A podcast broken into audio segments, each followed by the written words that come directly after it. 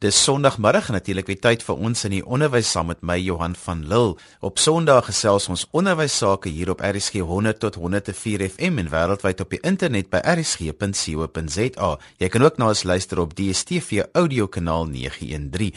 Vandag gesels ons oor wat is die belangrikheid van onderwysreg vir onderwysers en hoofde. En om hieroor te gesels, het ek vir Cecile Elof van die Noordwes Universiteit. Cecile, baie welkom by ons by ons in die onderwys. Baie baie dankie. Sê gou vir my eerste, waaroor gaan ons vandag praat want dit is so mondvol hierdie onderwerp.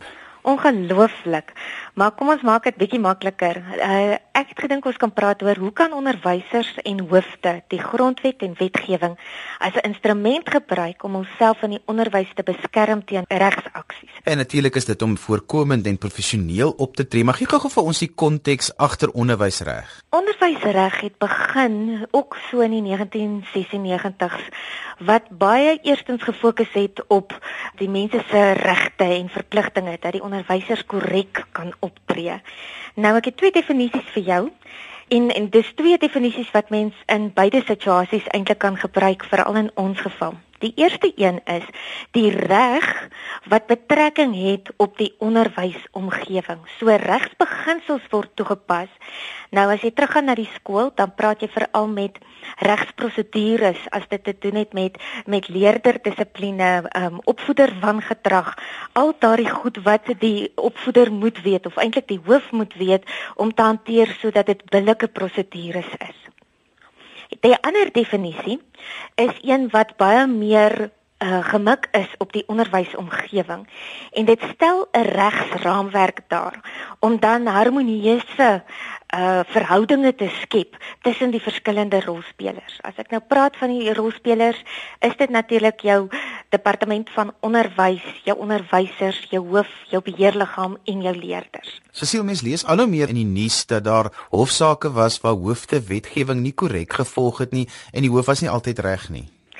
Ongelukkig ja, ek dink dit het begin eintlik in 1996 toe die onderwysers soos ek gesê het net gevolg het, die reëls gevolg het. Hulle het net geleer van die verantwoordelikhede en net van die regte.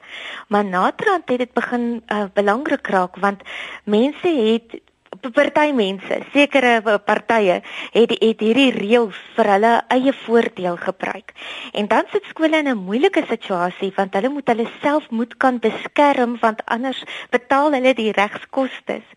En dit gebeur natuurlik as jy nie die onderwys uh, so goed ken nie of eintlik onderwysreg so ken nie as ons nou praat van die wetgewing en die grondwet. Nou jy praat van dat daar drie etiese gedragskodes is wat belangrik is. Ah, as mens dit on agter hierdie konteks het, nê, nee, dan maak dit sin om te sê die onderwysers het nou net die wetgewing en die reëls gevolg, maar daar's meer. Jy moet praat van aanvaarbare optredes.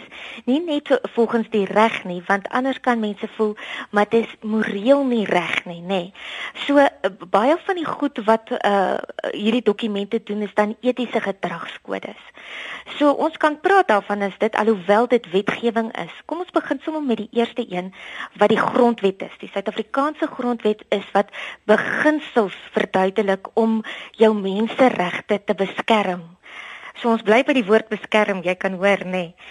Dan die tweede een is dan die professionele etiese gedragskodes wat elke onderwyser eintlik moet ehm um, uitdra in die gemeenskap. Maar ek weet nie of die mense regtig meer bewus is van wat is die regte regte gedragkode nie. As ons nou praat daarvan, dan praat ons van jou gedrag met verskillende rolspelers, nê jou jou jou ehm um, rolspeler die die onderwys as 'n rolspeler die professie die ehm um, onderwyser self, die kollegas met mekaar, die hoof, jou werkgewer, die departement van onderwys en dan natuurlik jou jou verhouding met die kinders is ook hier dan baie belangrik. So as jy dit volg, behoort jy ook die wetgewing te volg.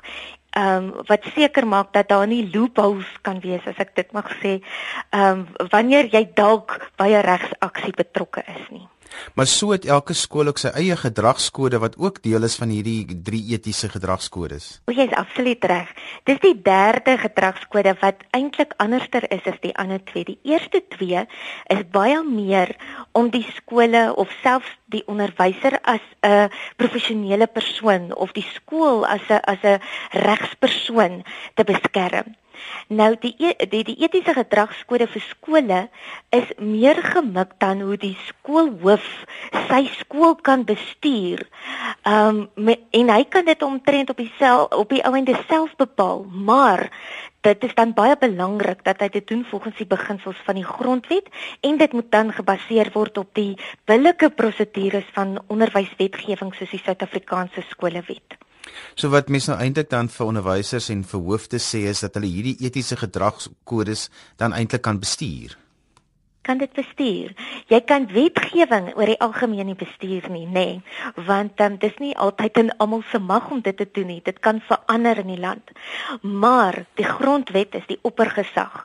So dit kan al klaar bepaal hoe jou verhouding gaan wees um, met jou met jou um, departement van onderwys, die regspersoon of dan natuurlik selfs jou verhoudinge tussen mekaar.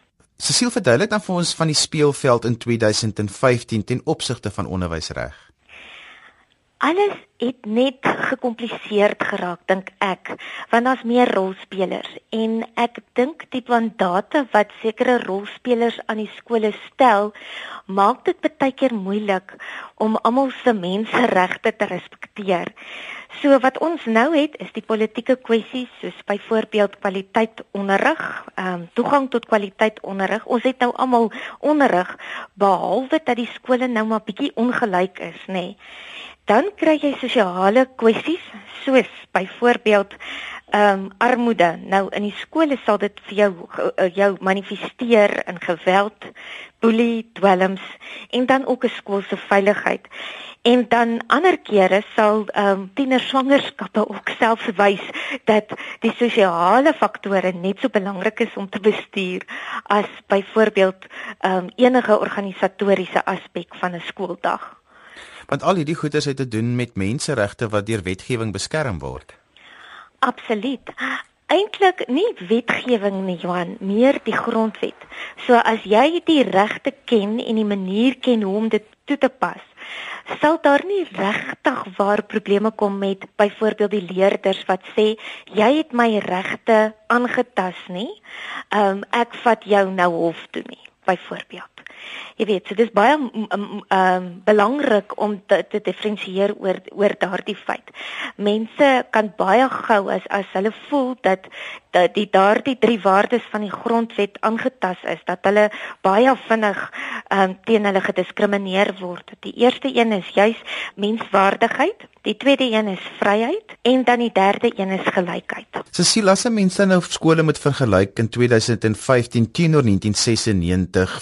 Verduidelik dit 'n bietjie vir ons. Goed, die goed wat ek vir jou genoem het, nê, nee, van die sosiale faktore, kan mens nou bietjie in voorbeelde ehm um, nou net bietjie opbreek dink ek. Geweld is altyd 'n belangrike ding. Ehm um, dis vreemde goed wat mense doen. Ek weet nie of dit is oor aggressie by kinders of hoe hulle nou deesdae die skool erger beleef as ons nie of anders was ons net nie bewus van goed wat met ons gebeur het nie. Maar as jy nou terugdink daar was 'n paar ehm um, koerantberigte oor kinders wat ehm um, ander leerders net omdat hulle aggressief is of om net omdat daar nou 'n konflik is met 'n skersel steek. So dit gebeur deesdae nou om een of ander rede. Ek dink die laaste een was uh, daar's 'n sker gebruik by 'n uh, matriekafskeid nogal. Ehm um, so ek kry die vrou met die rokke baie jammer as dit sy was. Dan met boelie. Boelie bly nog steeds boelie of ehm um, is 'n billebakkery soos wat ons dit ook noem in die literatuur is ook nogal baie alledaags ongelukkig word dit al as 'n kultuur be, be, be, uh, beskou. Jy weet, jy kry hierdie groepe van um um een minderheid, een ouetjie wat teen 'n groep mense moet staan en dan sal die groep hom bietjie afknou, afknouery ook en dan sal die mense net staan met hulle selfone en dit afneem. Ongelukkig is die probleem nou dat skole in die moeilikheid kom omdat dit dadelik op sosiale media geplaas word. So Dit is nogal 'n uh, tyd kwessie. Ehm um, dan kry jy ook boelie teen onderwysers. Ek het van 'n geval gelees waar die uh, kind net sy rugsak wou gekry het. Ek neem aan dat seker goed vooraf gebeur, maar die daad waaroor dit gegaan het is hy wou sy rugsak terug hê. Die juffrou wou dit nie teruggee nie. En toe het hy haar begin aanval. Hy het haar met 'n besemstok en 'n asblik gegooi en toe gaan hy maar uit die klas uit. So dit is vreemde goed wat deesdae gebeur as gevolg van aggressie, sosiale faktore, sou ek sê, maar dit is my opinie. Dan kry jy ook dwelms. Ehm um, alhoewel daar al klaar wetgewing is in die Suid-Afrikaanse skolewet word daar presiese prosedures al gegee van hoe moet jy dwelms ehm um, opspoor in jou skool. En daar hulle sê ook selfs wapens, wapens word by niemand toegelaat nie. Dwelms word by niemand toegelaat nie. Ek het al klaar genoem van tiener swangerskappe en dan veilige skole. Veiligheid in skole is nie net sommer wapens van geweld nie.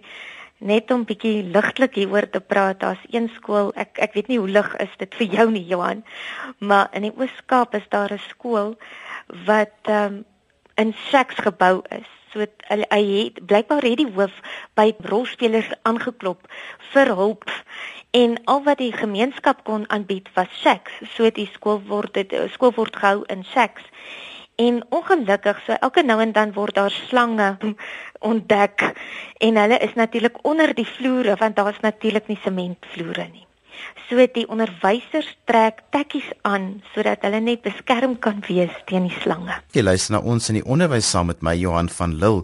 Ons gesels vandag oor wat is die belangrikheid van onderwysreg vir onderwysers en hoofde. My gas is Cecile Elof en sy is van die Noordwes Universiteit. Cecile, maar hoe kan onderwysreg help met sosiale gedragskwessies?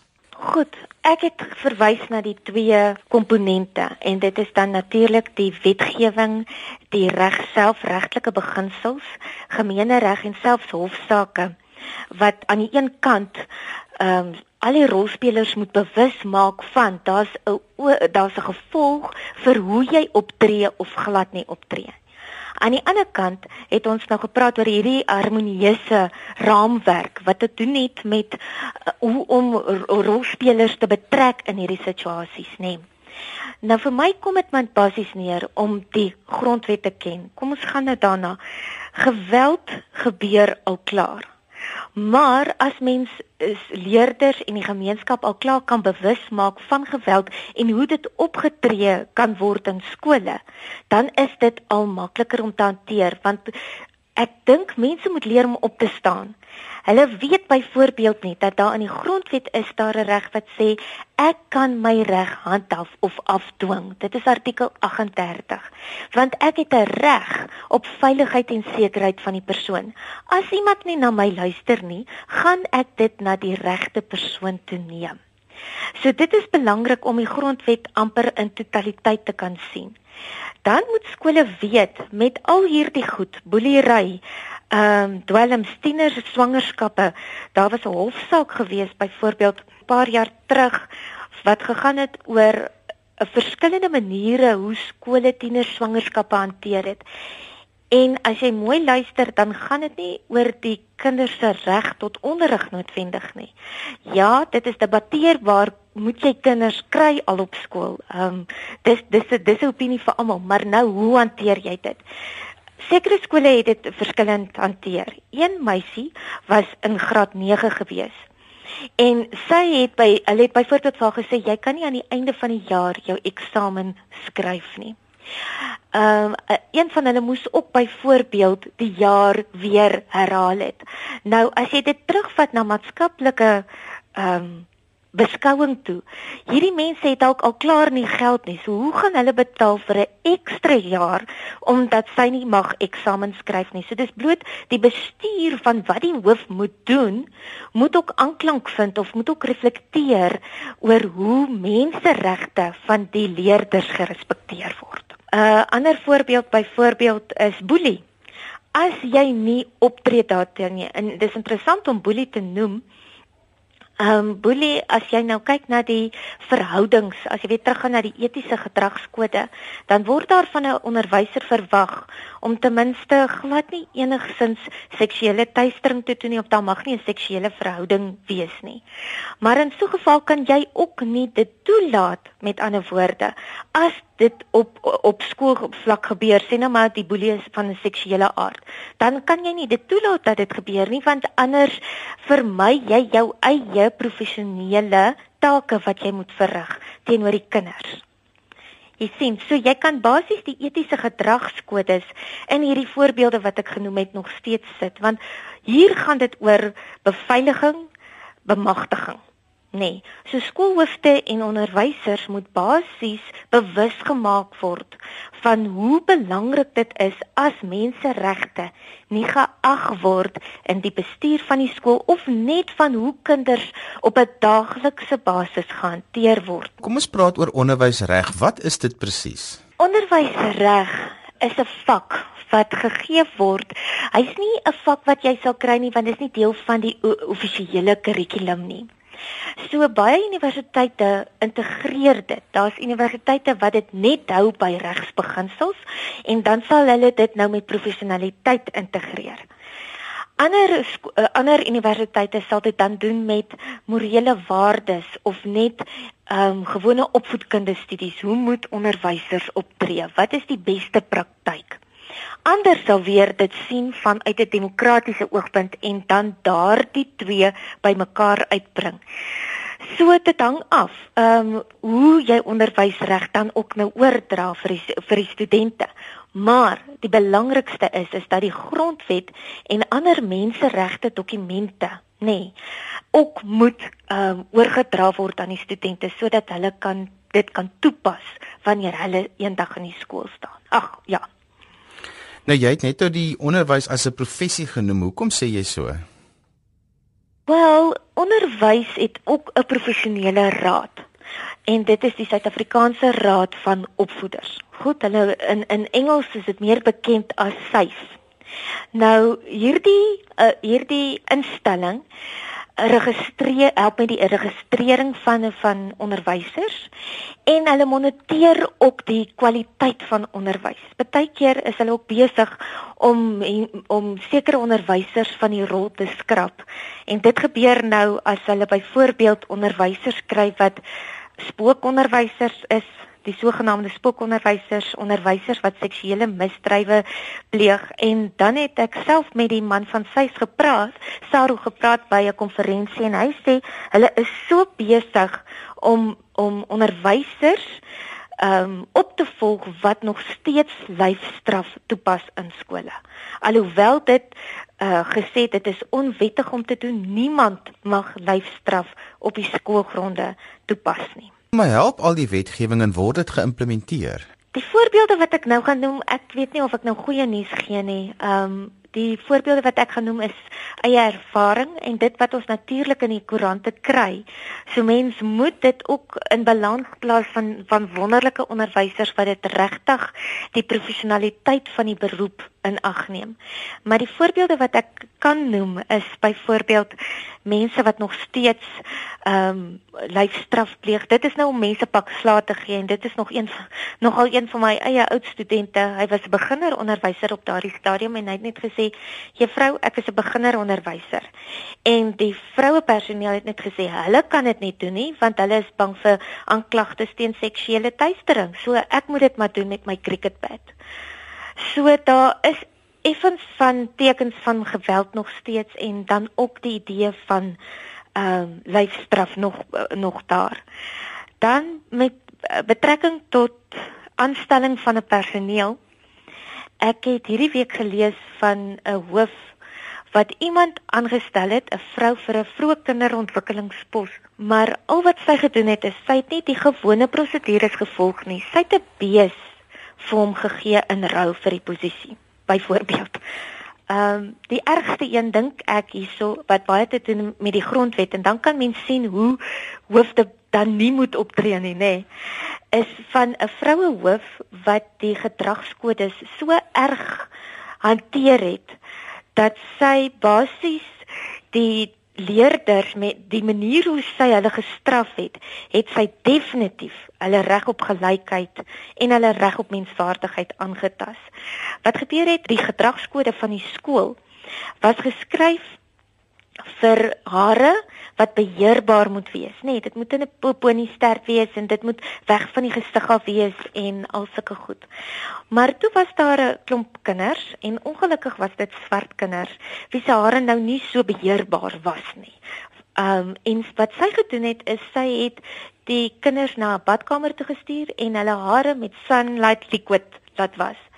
Nou gelukkig werk sy nie meer daar nie want dit is onmenslik om dit amper te doen. Um ek het uh, gehoor van wat die mense sê en hoe hulle opgetree het daaroor die kinders is regtig verneerd daaroor oor iets wat hulle nie noodwendig kan help nie. So mense moet nou nie overboord gaan as jy reëls en regulasies het nie. En dis wat ek bedoel met jy moet professioneel wees, maar jy moet ook die menseregte vir al daardie drie waardes in ag neem wanneer jy optree teen leerder van gedrag, byvoorbeeld. Dan die laaste voorbeeld wat ek kan noem dit was ook uh, in die koerant. Ek weet nie of dit regte. Ek dink dit was nogal geskik in die uh, uh, uh, dit was nie in die hof sover ek dit kon sien nie. Maar dit was van 'n beginner onderwyser wie se hare aan die brand gesteek is deur leerder, deur seuns. En sy het dit nie noodwendig goed hanteer nie en sy het vir 2 dae nie skool toe gegaan nie. En die hoof het in plaas om vir haar te vra nou wat was die probleem? Kom ons hanteer die probleem van leerderdissipline. Het hy definitief 'n dissiplinêre prosedure teenoor haar gestel.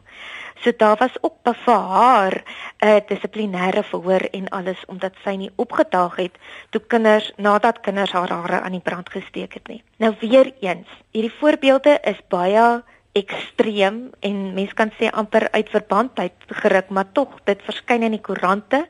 Uh mense praat daaroor so en dit kom uit ook van mense se eie ervarings maar ek glo nog steeds dat deur middel van onderwysreg, deur kundigheid van onderwysreg en net deur daardie drie etiese gedragskodes wat ek genoem het, die grondwet, die professionele etiese gedragskode van SARU en dan natuurlik die implementering van jou eie gedragskode volgens die grondwet, sou regtig hierdie saak kon verander het. Cecile, as skole met jou wil kontak maak om meer uit te vind oor onderwysreg, hoe kan hulle dit doen? Hulle kan my e-pos by cecile.elof c e